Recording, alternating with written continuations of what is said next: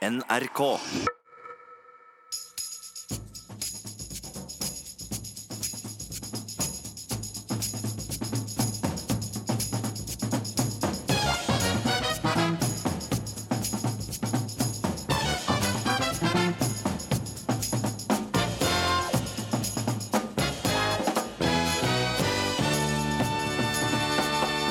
Rødt mot blått. Nervepirrende jevnt mellom blokkene.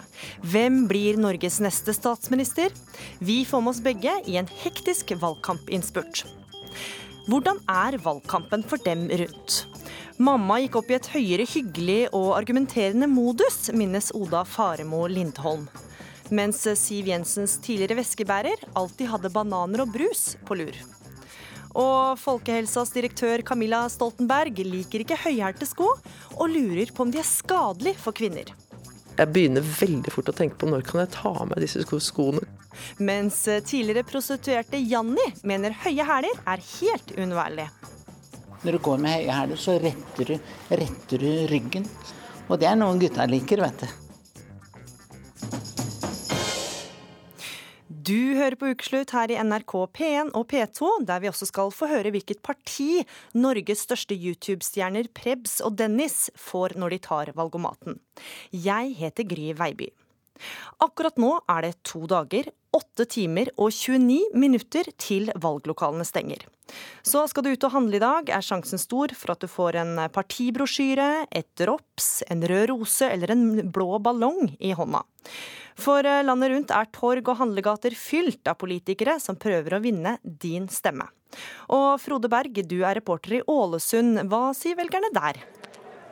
Jo, det er noen velgere her. Det er veldig fullt med partifolk og noen få velgere som går forbi. Og mange av de har nok stemt på forhånd. Hvem er det vi har med oss her? Anne Margrethe Vadseth. Og Har du bestemt deg? Ja, jeg har allerede stemt. Og eh, hvorfor er du forbi her i dag likevel? Nei, det er den, den uh, ukentlige lørdagsturen til byen. For å handle litt, da. Så det er nok mange som er det. Vi skal gå videre her og se om vi får noen Hei, jeg kommer fra NRK. Hvorfor kommer du innom eh, valgbua her i dag? Er du fra NRK? Ja. Ja. ja, nei, eh, jeg kommer ikke innom valgbua. Jeg går bare forbi. Men eh, jeg har jo allerede gjort mitt valg. ja, Så du har stemt på forhånd? Nei, men jeg, kommer, jeg vet hva jeg kommer til å stemme. Det er det jeg alltid har stemt. Og jeg synes Høyre har gjort det veldig bra, syns jeg. Og jeg håper de fortsetter. Og hva er navnet ditt? Trond Dyngeland. Det er bra, takk skal du ha. Det var en av de mange da, som er her, men som har bestemt seg for å stemme, og kanskje ikke snakker så mye med de som uh, står rundt her og reklamerer for eh, partiene sine. Men noen har allerede kommet, og kan jeg få stille deg et spørsmål hvorfor du er her i dag? Jeg er bare på bytur i dag. ja. Så du er ikke på jakt etter å finne ut hva du skal stemme? Nei, det har jeg bestemt meg for lenge siden. Og hva blir det da? Nei, det sier ikke til deg. Det er min hemmelighet og din nysgjerrighet. Og navnet ditt er? Det får ikke du vite. Nei, sånn er det her i Ålesund. Det er ikke alltid så lett å få vite noe som helst. Takk til deg, Frode Berg. Og vi skal fra Ålesund til Stavanger sentrum og reporter Mathias Oppedal. Deles det ut mange brosjyrer der du er i dag? Ja, her i Stavanger sentrum her skinner sola og partyteltet står tett i tett. Det deles ut på boller og ballonger, og et og annet eh, partiprogram ser vi òg skifter hendene her. Eh, Og Tilbakemeldingen fra politikerne er at det er mange som er interessert og har mye spørsmål. Her, står, her er vi i barnevogn framfor oss der det er ballong både fra Arbeiderpartiet, Senterpartiet og KrF. Og eh, Marte Hansen, har du bestemt deg for hva du skal stemme? Det har jeg. Men du er likevel her i dag og går i bodene og snakker med politikere. Hvorfor gjør du det? Eh, Du, jeg er her i æren for min mann, som ikke har bestemt seg ennå. Så jeg eh, stiller spørsmål på hans vegne. Hva tema er det som opptar deg? Du er tobarnsmor, eh, ser vi her. Ja, du, det er jo selvfølgelig barn og, og ungdom, men det, er- det er egentlig vel så mye klima og innvandring og integrering og ja. Vi står jo midt i oljehovedstaden. Eh, Olje har jo vært et eh, tema i eh, debatten. Hva, hva tenker du om, om det som tema? Du, jeg mener jo at oljen er nødt til å fases ut på sikt. Så jeg mener det er viktig å begynne å tenke alternativt.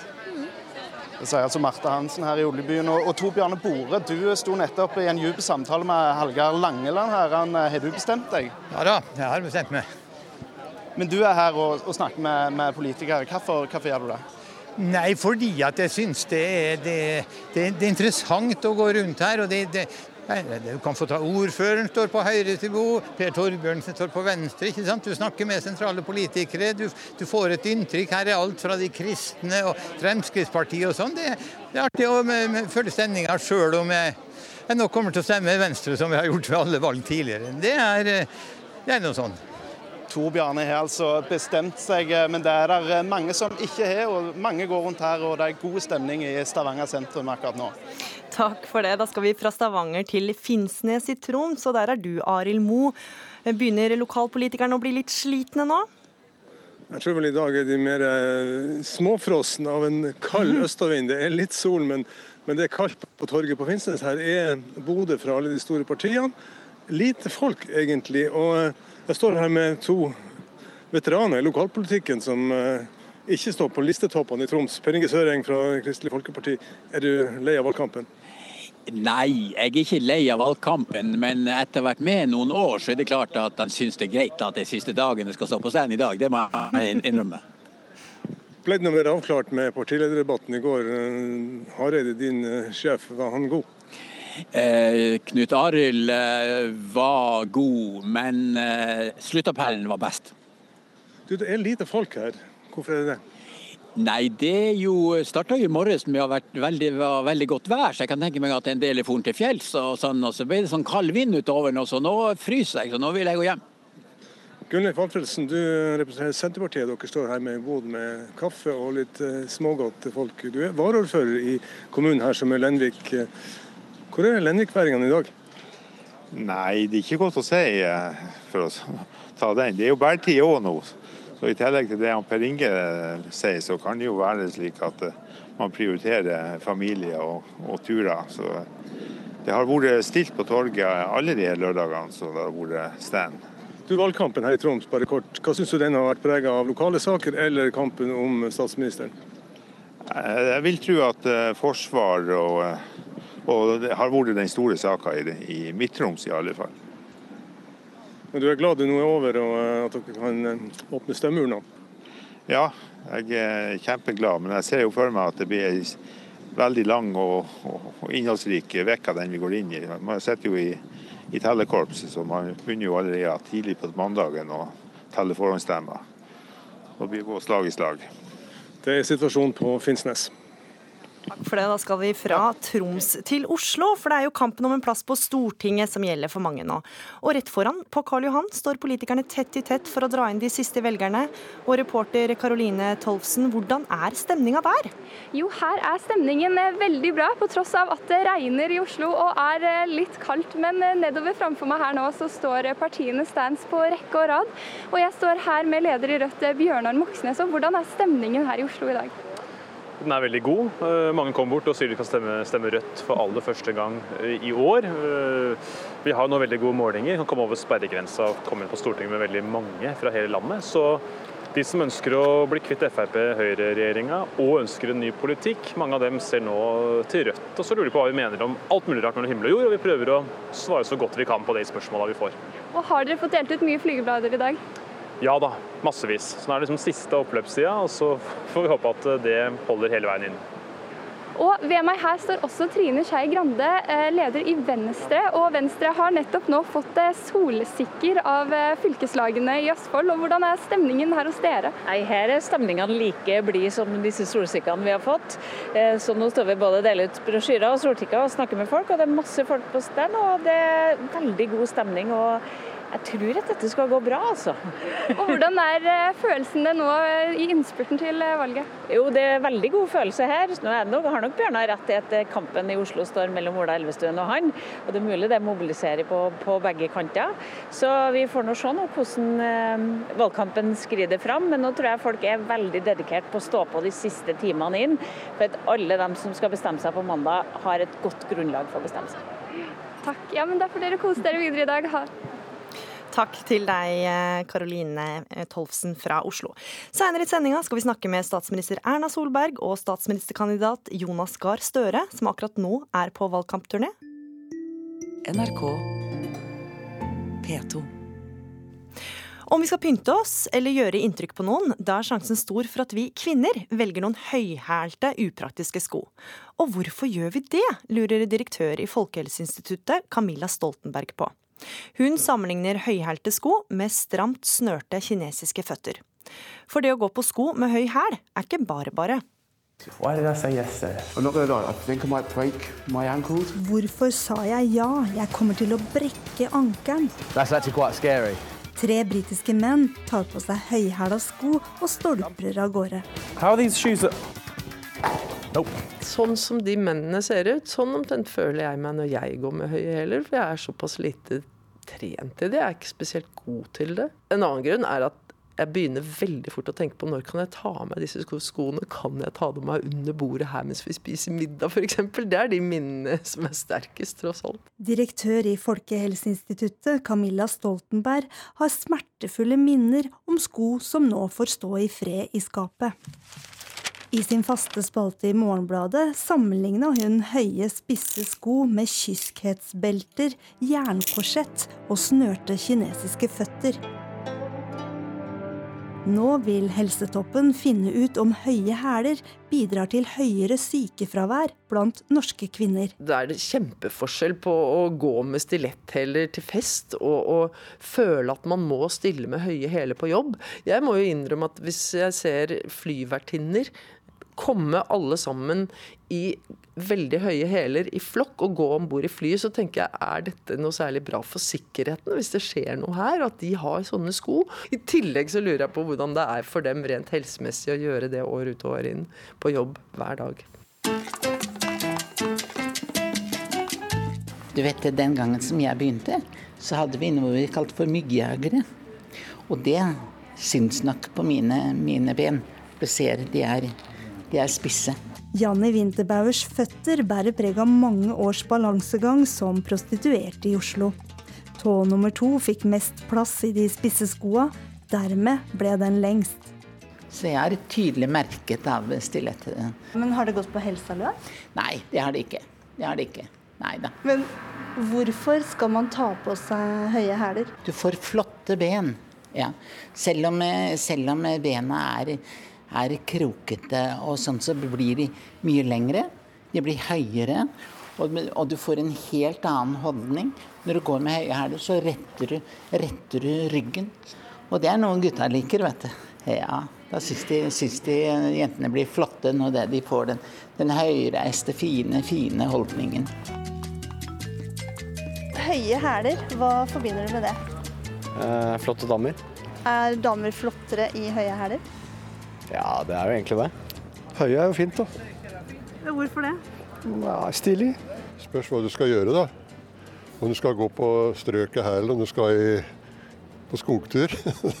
da må du ha lave hæler. Hvorfor tror du kvinner, uansett om de har makt eller ikke, tenker at de må ha høye hæler når de kler seg opp? Kan kanskje ha noe med høyde å gjøre, eh, rent fysisk. Men eh, kanskje noe med selvtilliten deres også, i forhold til å ta på seg noe som kanskje skiller seg litt mer ut. Det her er noen italienske boots med frynser. Jeg har faktisk de både i svart og i, eh, i brunt, fordi jeg syns de er så kule akkurat nå. Sjefredaktør i magasinet L, Signy Fardal, elsker høyhæla sko. Det å ha høye hæler løfter oss et lite hakk, både bokstavelig talt og i overført betydning. Jeg føler meg mer kledd. Jeg føler meg mer eh, sikker, mer trygg når jeg har høye hæler. Når jeg går i flate sko, så føler jeg meg litt sånn uh, følelse som ikke nødvendigvis er uh, riktig. Men jeg føler meg litt sånn liten og tuslete. Sier det til deg som står der i joggeskoene dine. Jeg har faktisk begynt å gå med joggesko hver dag sjøl, jeg. Til og fra jobb nå så går jeg med joggesko. Og for alle oss på joggesko eller flate sko har Fardal følgende gledelige melding. Det har jo aldri vært mer trendy å gå med flate sko enn det er akkurat nå. Så sånn, men, det, men hæler forsvinner aldri. Det er jo en sånn klassiker som den røde leppestiften. Altså, det vil alltid være i en kvinnes garderobe. Og reporter på joggesko var Kari Li. Snart skal du få høre hvordan Jonas Gahr Støre og Erna Solberg syns det er å drive valgkamp. De flyr land og strand rundt, gjerne på én dag, og er oppe fra morgen til kveld mange dager i strekk. Men hva med alle dem rundt? Støtteapparatet, rådgivere og lokale ildsjeler. Eller alle dem som sitter hjemme og venter. Det vet jo du noe om, Oda Faremo Lindholm. Du er datteren til tidligere justisminister og forsvarsminister Grete Faremo fra Arbeiderpartiet. Mm. Hvordan merka du, som datteren til en toppolitiker, at nå var det valgkamp? Altså, Moren min har jo alltid vært en person som, som jobber veldig mye. Men uh, under valgkamp så ble det på en måte grenseløst, husker jeg. At da, da var hun på en måte i arbeidsmodus hele tiden. Og det kunne være sånn når vi gikk rundt uh, ute, uh, når det ikke var valgkamp og folk kom bort til henne, så, så sa hun ofte at uh, Veldig hyggelig at du kom bort, men nå er jeg ute med datteren min, spiser middag eller hva som helst. Men under valgkamp, da, da på en måte transcenderte hun selve og ble på en måte Arbeiderpartiet. Så da var hun, da var hun imøtekommende mot alle og smilte og argumenterte og representerte, på sett og vis, eh, hele tiden. Så den følelsen man ofte har som barn når foreldre møter venner, og man begynner å kjede seg og drar litt sånn i skjørtekanten og sånn, den husker jeg den var på en måte konstant. husker du at det var mange middager hvor mamma ikke var der? Litt valgkamp? Eh, nei, kanskje ikke så mye at hun ikke var der. Men det nærmeste vi har kommet liksom, samlivsbrudd i familien Farmo Lindholm, det var uh, mer sånn under middag når mamma til enhver tid tok telefonen, husker jeg. Oh. Meg veldig mye telefonen hele tiden. Og når, når, hun på en måte følte at uh, det pressa på, uh, istedenfor å da på en måte si at uh, nå spiser vi middag, jeg ringer opp igjen etterpå, så tok hun liksom Hun tok samtalen, fullførte den, mens vi satt der andre og på en måte ventet på mat som ble stadig kaldere. en som eh, kjenner alt dette her fra en litt annen side, det er deg, André Kolve. Du er tidligere rådgiver og statssekretær for Fremskrittspartiet. For toppolitikere er jo omringa av et enormt støtteapparat, og en av dem var deg. Du fulgte bl.a. Siv Jensen og Per Sandberg i valgkampen 2013 og hjalp dem med alt det praktiske. Hvordan var de mest hektiske dagene du hadde på jobb? La meg først si at eh, jeg kjenner meg veldig godt igjen i det Oda sier her i forhold til telefoner som ringer ved middagsbordet. Det, For du hadde sånn kanskje sjøl? Ja, samboeren min eh, opplever det nok litt på samme måte som Oda og hennes far gjorde, med mat som stadig blir kaldere fordi jeg ble sittende i telefon. Og jeg også er en sånn type som tok telefonen når det ringte, uavhengig av om, om vi satt midt i et måltid. Sikkert skikkelig populært. Ja, veldig populært. Så det er blitt litt roligere nå, da. Men hvordan var de mest hektiske dagene du hadde på jobb, da? De hektiske mest Det var jo egentlig, de gikk jo i ett egentlig hele tiden i valgkampen. Så det er vanskelig å peke ut én bestemt dag eh, som var mer hektisk enn andre. Men, er, men for min egen del eh, det er klart Når du er på jobb, så merker du kanskje ikke stresset og presset så godt fordi du er i modus. Men jeg husker eh, valgnatta, eller valgkvelden, når du på en måte hadde gjort alt og, og var spent på, på hva skjer nå. Og ikke minst også etter etter valgseieren, eh, hvor vi hadde noen uker eh, før regjeringen ble utnevnt til dette, hvor man gikk rundt og var spent på kommer man med i regjeringsapparatet eller ikke. Det har i hvert fall samboeren min også fortalt, at det var den perioden jeg var mest stressa og urolig. Eh, fordi da hadde jeg ikke noen påvirkning lenger. Jeg kunne ja. ikke gjøre noe. Så det var sånn jeg opplevde det. Men når du på en måte er på jobb og følger en toppolitiker, så, så er du i et sånt modus at du, du, prøver heller kanskje å roe ned situasjoner og, og ta det med ro. Lege og forsker Erik Sveberg Dietrich, du har akkurat skrevet boka 'På livets grense' med undertittelen 'Hvordan kroppen takler ekstrem natur'. Og nå skal ikke vi påstå at valgkamp er å utsette seg for ekstrem natur, men det kan vel kalles en ekstrem påkjenning for kroppen å farte land og strand rundt og hele tida være på? Ja, det må man kunne si. Det er klart at eh, det er store forskjeller på å være kald på fjellet eh, og å, å dra rundt i land og drive valgkamp. Men du nevnte jo innledningsvis det at eh, politikere og rådgivere ofte er våkne døgnet rundt. Og Søvnmangel er jo et stort problem. og Søvn er et basalt behov på lik linje med det å kunne beskytte seg fra naturen.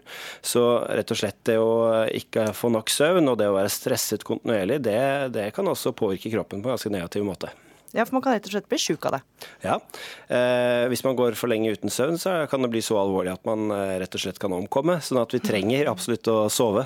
Eh, og vi vet det at eh, skiftarbeidere, eh, f.eks. i helsevesenet, altså hvis man setter seg i bilen og kjører hjem etter å ha gått mange lange nattevakter, så kan man sammenligne det med å ha promille. Så eh, man eh, blir absolutt påvirket av å ikke få sove nok. Kolve, hendte det noen gang at du følte at du hadde litt promille, for du var rett og slett så trøtt? Jeg hadde nok promille, men da var det ikke pga. søvnmangel.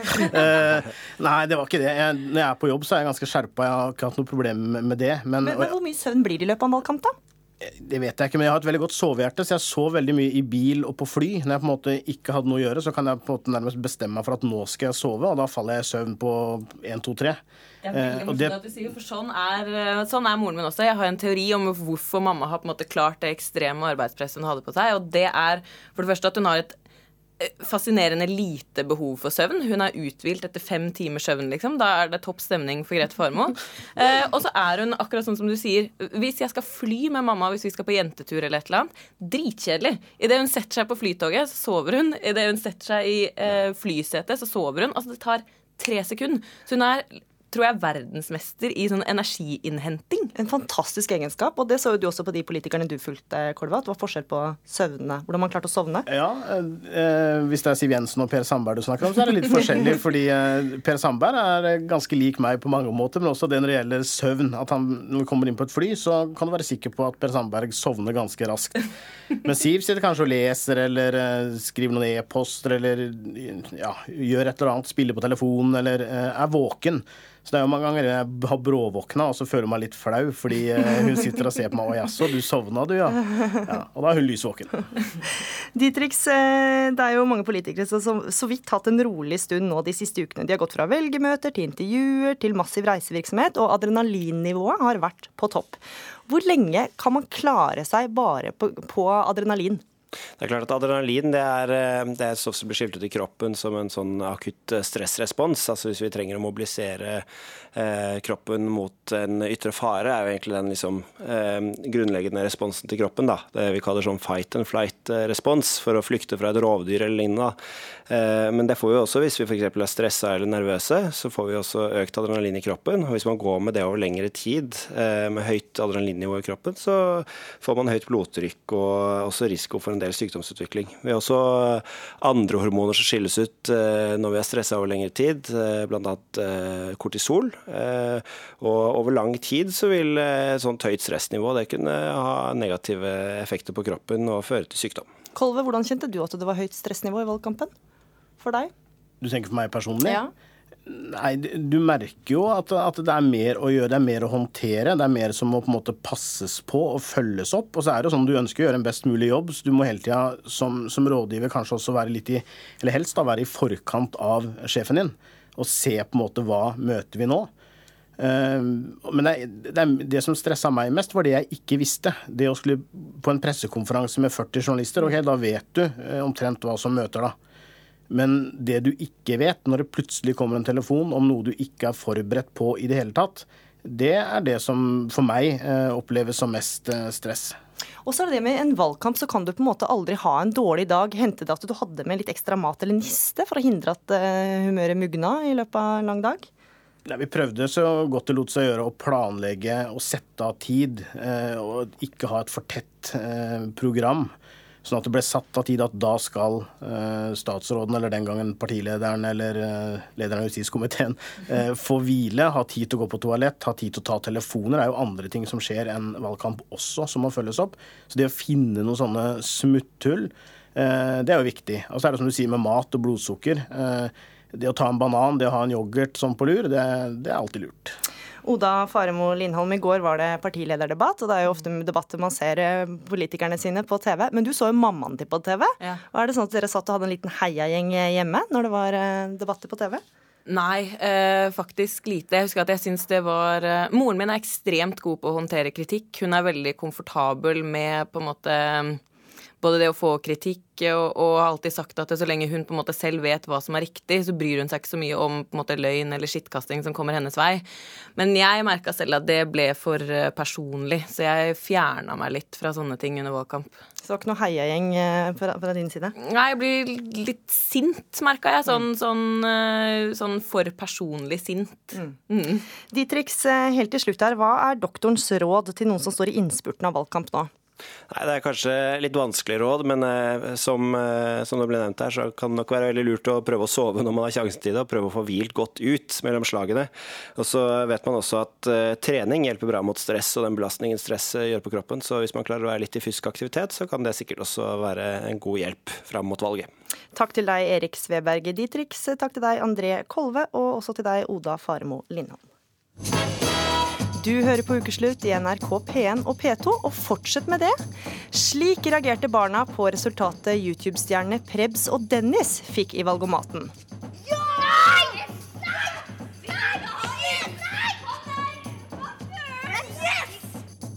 Og den neste halvtimen får du også høre at det blir stadig mindre uberørt villmark her i Norge.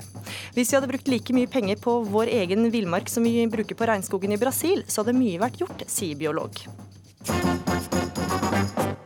Gjennom valgkampen har Ukeslutt bedt folk om å ta valgomaten for å se hva de bør stemme. Live Nelvik endte opp som Miljøpartiet De Grønne-velger, og Ravi endte opp med Rødt. Denne uka har reporter Martin Giæver tenkt på de unge velgerne, og bestemt seg for å oppsøke Norges største YouTube-stjerner. Sitter dere utafor her for å, få, um, for å snakke med noen youtubere? Ja, faktisk.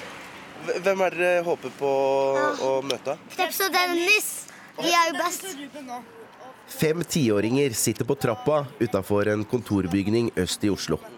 Og det har de tenkt å gjøre i flere timer. Her skal vi sitte og vente til klokka fire-fem for å bare få se dem. Så det blir gøy. Målet deres er å få møte de store stjernene. Jeg må møte Preps og Dennis.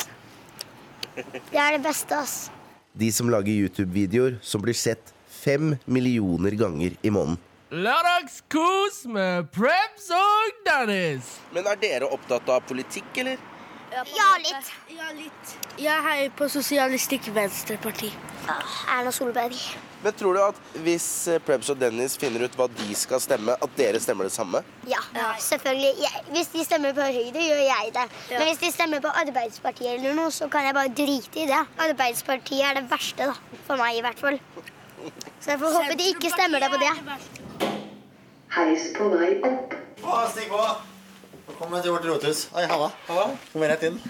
Martin. Hyggelig. Hei sann, hei sann. Preben. De er en ny form, de kaller det for en ny form for rockestjerner. da, uten at de er, Vi er ikke helt idolisert som det Marcus Martinus f.eks. er. da. Eh, men folk setter jo pris på oss på en annen måte. da, På en annen plan. da, Det er en helt ny form for greie.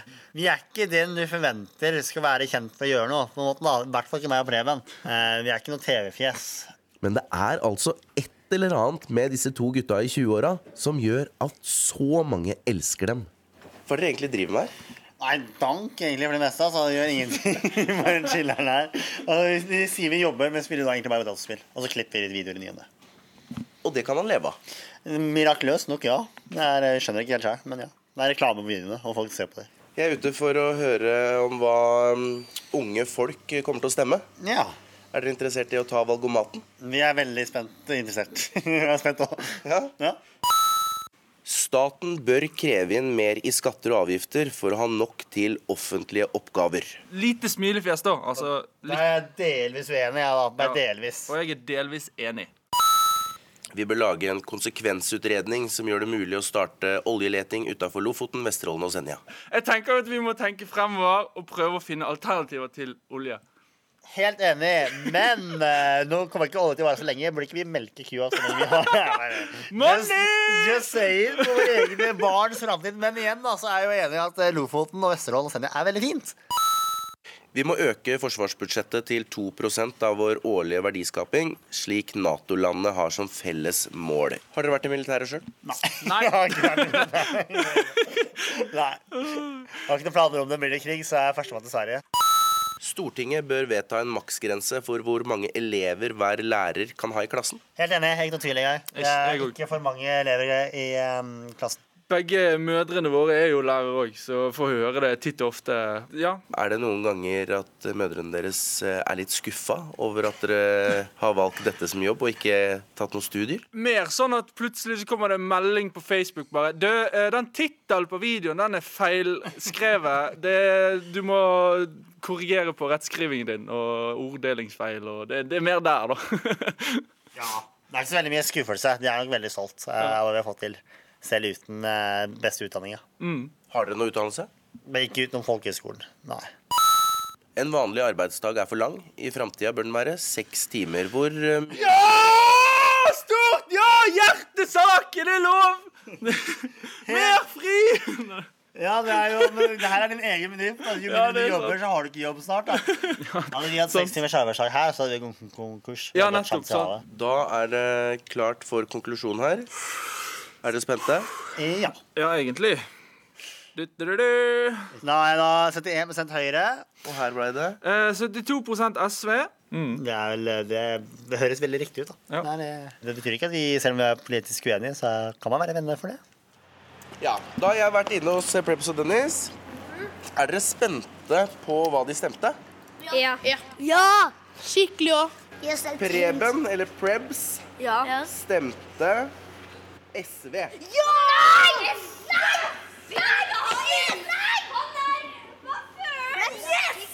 Og Dennis Høyre. Ja! Norge er kjent for villmarka si, men de siste 100 årene har store deler av den blitt borte. Og mens vi bruker tre milliarder kroner i året på å bevare regnskogen i Brasil, går en halv milliard til bevaring av vår egen skog. Vi møtte villmarkselsker Maren Werner, som er livredd for å miste skogen sin. Jeg tror mange kjenner på det i dag at det er mye stress, det er mye mas, det er mye ting som skjer rundt seg. Og det å komme vekk og bort til et sted som er stille, uberørt, helt det motsatte av hverdagen, er veldig godt. Og jeg tror vi mennesker trenger det så veldig mye. Maren Werner elsker naturen, men hun er litt sær. Maren liker nemlig å dra ut i Norges villmark, helt alene. Men det er det at jeg, du nyter opplevelsen fullt og helt når du er alene. Synes jeg Du får liksom naturen så skikkelig tett på kroppen når du er alene. Så det er litt sånn fritidssted. Maren er deltaker i TV 2-programmet Alene, der ti villmarksfolk skal konkurrere om hvem som klarer seg best i villmarka. Det mener hun at alle egentlig kan klare. Det er ikke mye som skal til for å ha utrolig fantastiske opplevelser i norsk villmark. Men det er jo en forutsetning at den ikke forsvinner, da, selvfølgelig. Hvis den ikke forsvinner, ja. Det finnes et kart over hvordan den står til med den norske villmarka, som ser litt skummelt ut. Jeg tar med det kartet og møter Christian med et eh, kart her. Han er biolog og sjef i Sabima, en miljøorganisasjon som jobber for å stanse tapet av naturmangfold. Dette kartet her synes jeg ser ganske skummelt ut. Mm. Her er det altså bilder av Norge i 1900, 1940 og i 2013. Og det er bilder av hvilke områder som er villmark, og her har jo minka grassat. Dette, er helt enig med deg, dette kartet er dramatisk. Det viser at vi har altså tapt denne villmarksnaturen i et voldsomt omfang og et ganske stort tempo. Så, så, dette er dramatisk. Artene er ikke noe vi skal ta vare på bare fordi det er morsomt å ha, at det er kuriositeter, men dette er en del av livsgrunnlaget vårt. Det kan være arter som sitter på hemmeligheter som vi skal bruke i medisin eller industri. Eh, disse områdene med gammelskog og villmarksnatur er viktige i å rense vann og dempe flom og lagre karbon. Eh, så, så denne naturen har masse viktige funksjoner. Den norske stat eier mye fjell, men eventyrskogen som villmarksfolk er så glad i, eies mye av vanlige folk. Derfor bruker vi i Norge det som kalles frivillig vern, altså at privatpersoner kan få betalt av staten for ikke å gjøre inngrep i skogen. Målet er å verne 10% men bare 4% er verna i dag. Altså, Vi må ha en gradvis opptrapping av bevilgningene bevilgningen til skogvern. for Vi kan ikke plutselig få enorme summer og så klare å håndtere det. Men eh, vi, det er samtidig viktig å, å få verna eh, de 10% så fort som mulig. fordi det hogges jo i gammelskogen i dag. Eh, så områder som vi burde verne, risikerer vi at blir hogd neste år. Så bevilgningene må økes kraftig hvert år, til eh, i hvert fall en milliard. Sånn at vi får verna de 10 innen eh, ja, ca. ti år. Hvor mye er det vi gir til regnskogen i Brasil igjen? Eh, vi gir vel ca. 3 milliarder. Så hvis vi brukte noe tilsvarende her i Norge over de neste ti år, så ville vi klare å komme i mål. Og vi kan jo ikke bare verne skog i utlandet, vi må verne vår egen skog også. Nei, Denne indikatoren viser at vi har eh, mistet en god del av disse såkalte inngrepsfrie områdene. Det innrømmer Finn Katerås, seksjonssjef for naturvern i Miljødirektoratet. Det er mange som forvalter villmarka i Norge. Miljødirektoratet er en av de mektigste aktørene. Eh, og det finnes også en del kart som viser utviklingen fra 1900 og fram til i dag. Ja, nettopp. Det var det kartet vi snakka om.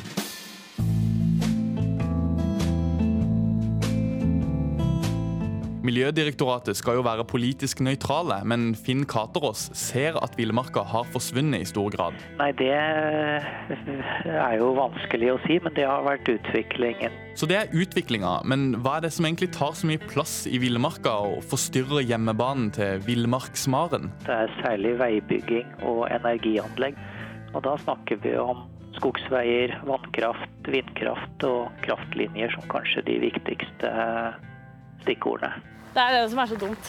At jeg tenker åh, jeg er alene. Men med en gang du ser masten, så føler jeg liksom at det har vært, der, vært noen der før, da. Eller masseopptrådte stil, liksom sånn som her, da. Hvorfor trenger man rein villmark? Kan vi ikke ha sånn som, måte, sånn som her på Sognsvann, at uh, det, er, en sti som går, og så kan de som vil gå ut liksom off-pist, mm. men så mm. kan resten Trenger man den der helt rene villmarka? Ja, man trenger den for å bevare mangfoldet i naturen av eh, sopp, vekster, dyr. Ja, og jeg har så lyst til at Jeg har akkurat fått en lillesøster. Og jeg har så lyst til at hun da, nå på min alder skal få lov til å oppleve samme, samme opplevelse som jeg har da, nå.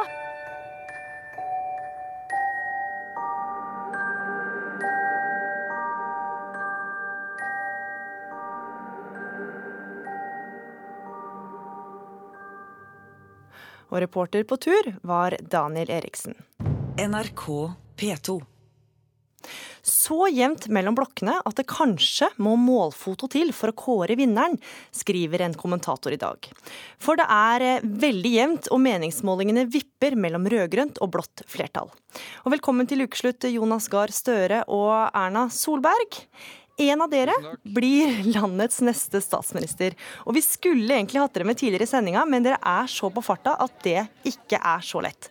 Og i flere uker nå så har dere drevet hektisk valgkamp landet rundt, stått på stands, deltatt i debatter, møtt velgere, og nå er det siste innspurt før det ikke er mer dere kan gjøre for å påvirke velgerne.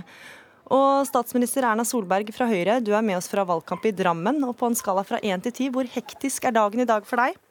Den er jo hektisk fordi vi skal gjennom veldig mange kjøpesentre veldig mange steder på kort tid. Og det er veldig mange hyggelige mennesker å hilse på. Som eh, både har lyst til å ta bilder, snakke med, og journalister som vil ha noen kommentarer. Så da føler vi jo at vi løper litt etter klokken hele veien. Rådgiveren din eh, fortalte til Aftenposten at selv han, som eh, sitat er relativt ung, passer godt trent og har dobbelt ADHD, sliter med å holde følge med deg. Hvor er det du henter energien fra? Jeg gjør jo det fra møte med mennesker, for det, er veldig gøy å være ute og snakke. Og vi får som sagt veldig mye hyggelig tilbakemelding på det vi har gjort, og på det vi prioriterer for neste periode. Både når det gjelder skole, når det gjelder å få ned helsekøene på sykehusene, men ikke minst det å sørge for at vi har et godt forsvar og, og satse på politiet. Så vi, det er jo valgkampsaken. Jeg hører at du er i valgkampmodus. Ja, det blir sånn alltid. Ja, Partileder Jonas Gahr Støre fra Arbeiderpartiet. Akkurat nå driver du valgkamp i Stavanger. Du starta dagen i Bergen og har allerede vært en tur innom Haugesund. Seinere skal du til Kristiansand, deretter Arendal, og før du lander i Oslo. Alt dette på en dag, og hvor sliten er du nå? Hvis jeg ikke var sliten på slutten av valgkampen, så tror jeg ikke jeg hadde følt at jeg hadde gjort jobben min. Men jeg er også litt som Erna Solberg sier, eh, oppløftet også. Det er stappfullt av mennesker midt i Stavanger og veldig mange hyggelige folk å møte. Så dette er jo et, eh, en dag jeg tror jeg kommer til å huske hele livet, egentlig. For det er slutten av valgkampen og rett før valget og en utrolig mobilisering blant våre tillitsvalgte og frivillige. Og det å møte dem, det er det som gir meg ekstra krefter på slutten. Folk som har stått på Eh, og frosset og kokt kaffe og deler ut pølser og vafler og roser og møter folk. Det er egentlig demokratiet på sitt fineste. Og nettopp derfor bør vel du aldri ha en dårlig dag på jobben når du driver valgkamp. Hvilke triks har du dersom du merker at det er litt ekstra vanskelig å holde humøret oppe? Nei, det er bl.a. å tenke på alle de som står på for eh, det vi tror på i Arbeiderpartiet, og, og få en ny regjering Vektlegge arbeid, eh, trekke sammen, bli et stort lag igjen. Eh, når jeg kan ha en litt tung stund, så har jeg to teknikker. Det ene er å prøve å få meg en liten blund bak en bil, eller liksom hente krefter den veien. Og så er det å tenke på alle de som eh, står på og er ute og, og gjør dette frivillig. Det, det, det gir meg veldig mye krefter, og det gjør det også på en dag som denne. Erna Solberg, vi har sett deg med boksehansker, vi har sett deg kysse en sel, og du har stekt vafler. Hva er det rareste valgkampstuntet du har gjort så langt? Nei, Det var kanskje den der eh, sjøløvekysset, da. Det var kanskje det, det, det rareste. Men eh, det er jo Man skal ta seg selv litt lite høytidelig. Så skal man gjøre ting man syns er gøy. Eh, og jeg syns det er gøy å leke, så jeg fortsetter å leke selv om det er valgkamp. Og hva med deg, Støre? Hva er det rareste stuntet du har vært med på i valgkampen? Jeg syns ikke det har vært så veldig mange rare stunt, egentlig. Jeg har sagt at uh, du kan bli litt revet med noen ganger for å gjøre ting som du ikke har helt eh, kontroll på. Jeg var ute og syklet med en eh, beboer på et sykehjem her forrige lørdag utenfor Oslo eh, på en elsykkel som begynte å gå fortere enn jeg hadde helt kontroll over. Og da tenkte jeg at vel, vel, hvis vi nå havner i grøfta, så kan jeg i grunnen av Ja, da får jeg oppslag iallfall, men det er ikke akkurat sånn som jeg ønsker meg. Solberg- Men eh, stort, stort sett så er det hyggelige møter én til én med mennesker på jobb og mennesker ute i eh, hverdagslivet, og det er det fine. Og så må vi snakke litt om valgkampen, da, Erna Solberg. For mye av valgkampen eh, har handla om din statsråd Sylvi Listhaug fra Fremskrittspartiet, som har snakka om imamsleiking. Hun har reist på tur til Sverige midt i valgkampen, og som eh, ellers har fått mye kritikk for retorikken sin. Og Flere ganger så har du måttet gå ut og si at hun ikke snakker på vegne av regjeringa. Og Dagbladet i dag skriver at du har abdisert som leder. Har du ikke helt kontroll på dine egne? Nei, og Dette er typisk Dagbladets måte å snakke om disse tingene på. Jeg syns det er dumt at denne valgkampen fordi at Arbeiderpartiet har valgt å ikke snakke om politikk de siste ukene, men tvert imot har valgt å snakke om eh, en statsråd i regjeringen og en reise til, til Sverige. At velgerne ikke har fått god nok informasjon om kanskje hva vi vil med skolen, hva vi vil med helsevesenet. eh, Men, men syns det er greit at en av dine egne statsråder bruker ord som imamsleiking, f.eks.? Nei, men det er det nå fem uker siden jeg sa ikke var greit. Og da burde vi faktisk vært ferdig med det. Gått videre og snakket om hva vi skal gjøre de neste fire årene for å sørge for at folk får et bedre land å bo i. Sørge for at eh, man i dette valget tar stilling til hvem det er som har den politikken som skaper flest arbeidsplasser. Men hva syns du om det har vært mye fokus på dette framfor din egen politikk? Da? Jeg hører at du vil prate om din egen politikk, men det er jo en av dine egne statsråder statsråder da, som har sagt dette her. Dette er jo et valg som de som er på venstresiden har gjort ved å gjøre dette til en hovedsak i valgkampen, fremfor å diskutere sin egen politikk. Og Støre, valgkampen eh, for deg har det vært mye kritikk for at du ikke har villet snakke om din privatøkonomi og hvor du plasserer pengene dine. Skjønner, jeg- skjønner du at det kan være relevant for velgerne å vite hva du som mulig statsminister gjør med formuen din? Ja da, og jeg skal svare på alle de spørsmålene. Jeg har svart på alle de spørsmålene, men det vi hører fra Erna Solberg nå, det er at hun ikke skjønner hva som skjer i det norske samfunnet. Arbeiderpartiet har lagt fram omfattende politikk på skole, helse, eldre og arbeid. Eh, Og vi har snakket om det på inn- og utpust, men vi har også snakket om at vårt samfunn er bra når vi trekker sammen, og hun har Men- tatt inn i regjering en, et parti som splitter Men- fremfor å samle, og det Ja. må hun tåle å høre.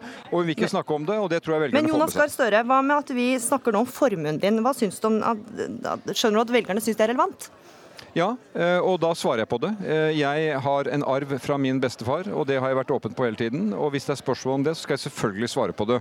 Så skal jeg også snakke om politikk, men jeg har jo aldri avslått å svare på det. Jeg kan ikke svare på detaljerte spørsmål på stående fot på ethvert torvmøte, men alle som stiller spørsmål, de skal få svar fra meg. Tenker du noen gang at det hadde vært enklere for deg å være Arbeiderpartileder dersom du ikke hadde hatt formue? Nei, det tenker jeg ikke på, fordi jeg er meg, og det vet Arbeiderpartiet. Og jeg er eh, stolt av å lede et parti som har de verdiene, som vi har et samfunn som gir nordmenn like muligheter, som ser oss som likeverdige mennesker.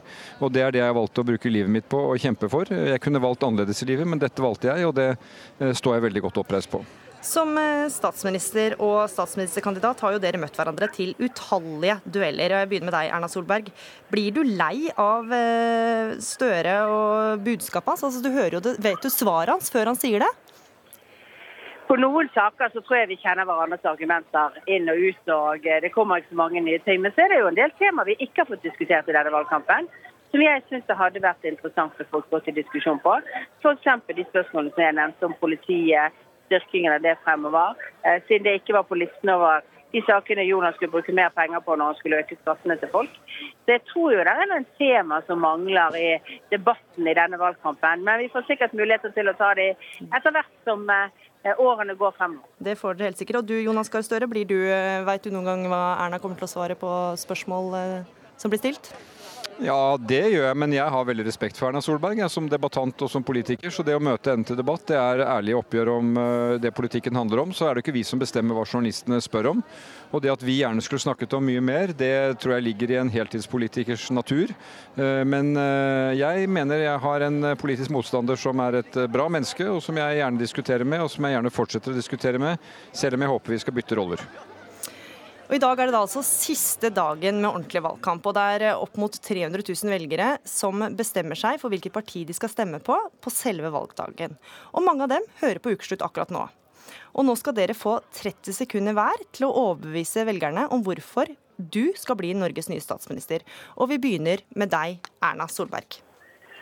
Jeg mener vi har bevist i de fire årene vi har bak oss at vi har satset på skole, vi har kuttet helsekøer, vi har bidratt til å bygge mer veier og infrastruktur. Og ikke minst så har vi fått optimismen og veksten tilbake igjen i norsk økonomi etter en tøff tid. Og Vi skal fortsette denne politikken fremover. Vi har mer vi ønsker å gjøre. Så vi ber om fire nye år for en politikk som viser seg å virke godt. Du holdt faktisk eh, tida, og, og da er det din tur, eh, Jonas Gahr Støre. 30 sekunder fra nå. Norge er et bra land å bo i, men vi kan bedre. Eh, forskjellene har økt i vårt land. Det er blitt mer splittelse. By mot land, oss mot dem. Arbeiderpartiet vil at alle skal med. Vi skal satse på arbeid til alle, et tryggere arbeidsliv, bekjempe dårlige tilstander i deler av arbeidslivet. Og så skal vi si ærlig, dette er ikke tid for store skattekutt. De av oss med mest kan betale noe mer, så vi får flere lærere i skolen, slik at våre eldre kan møte ansatte som ser dem og gir dem god behandling, og slik at vi kan støtte bedriftene våre som både skal skape arbeidsplasser og bruke ny teknologi Der til å komme i gang med klimaskiftet. 30 sekunder godt, eh, Jonas Gahr Støre. Erna Solberg, hva er det første du skal ta fatt på nå når du ikke kan eh, drive valgkamp eh, lenger? Erna Solberg, er du med? Da, Jonas Gahr Støre, er du med? Nei. Hører du meg? Ja. Ja. Hva er det første du skal ta fatt på nå som du ikke kan drive valgkamp lenger? Før valgresultatene kommer inn. eh, jeg skal først være sammen med kona mi og barnebarnet mitt og familien min, og i grunnen ikke måtte haste videre med en gang. Og så på mandag blir det jo å gå og vente, eh, være sammen med gode kolleger og forberede seg på valgaften. Og det kommer til å bli eh, veldig spennende, og det kiler i magen. Erna Solberg, er du med oss nå? Hva er det første du skal ta fatt på før eh? Nei, Erna er ikke der. Men eh, da er det bare å ønske lykke til eh, nå helt i eh, innspurten. Jonas Gahr Støre fra Arbeiderpartiet, takk for at du var med. Og takk også til deg, statsminister Erna Solberg fra Høyre. Og da er det på tide med en værmelding, Terje Alsvik Vallø. Det er det, og det er eh, Nord-Norge som har best vær landet akkurat nå. Også i morgen så ser det greit ut nordpå, i hvert fall til å begynne med, med østlige vinder. Lokalt så blåser det kuling på de utsatte stedene, særlig over Troms og kanskje aller mest på kysten av Finnmark. Men i morgen så avtar vinden sørfra i Nordland fylke, og det blir eh, til å begynne med altså oppå seg perioder med sol for mange i morgen. Men litt regn brer seg inn fra sørøst, sørøst i morgen ettermiddag og i morgen kveld. Og nedbøren kommer først frem til Nordland og indre strøk av Troms og Finnmarksvidda i morgen. I Trøndelag og i Møre og Romsdal for det meste på seg perioder med sol i morgen, mens Vestlandet sør for Stad her blir det for det meste en skyet søndag og noen regnbyger, og sørlig opp til liten kuling på kysten. Østafjells og fjell i Sør-Norge i morgen skyet til delvis skyet vær, og noen lokale regnbyger. Og litt flere byger blir det sørfra i morgen ettermiddag. Temperaturen nå for øyeblikket ved ett-tiden var i Tromsø 11 grader, Trondheim 13, Bergen 14, Kjevik-Kristiansand har 16 grader og Blindern Oslo har 12,5. Aller varmest nå ved ett-tiden var det ved Molde og Tingvoll og Brusdalsvann som ligger i Møre og Romsdal. Der var det 18 grader pluss nå ved ett-tiden. Ukeslutt er slutt.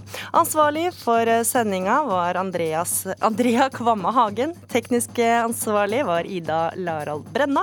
Og her i studio var Gry Veiby. Ukeslutt kan du høre når du vil, hvor du vil. Enten som podkast eller i NRKs nettspiller, som du finner på nrk.no. Takk for følget.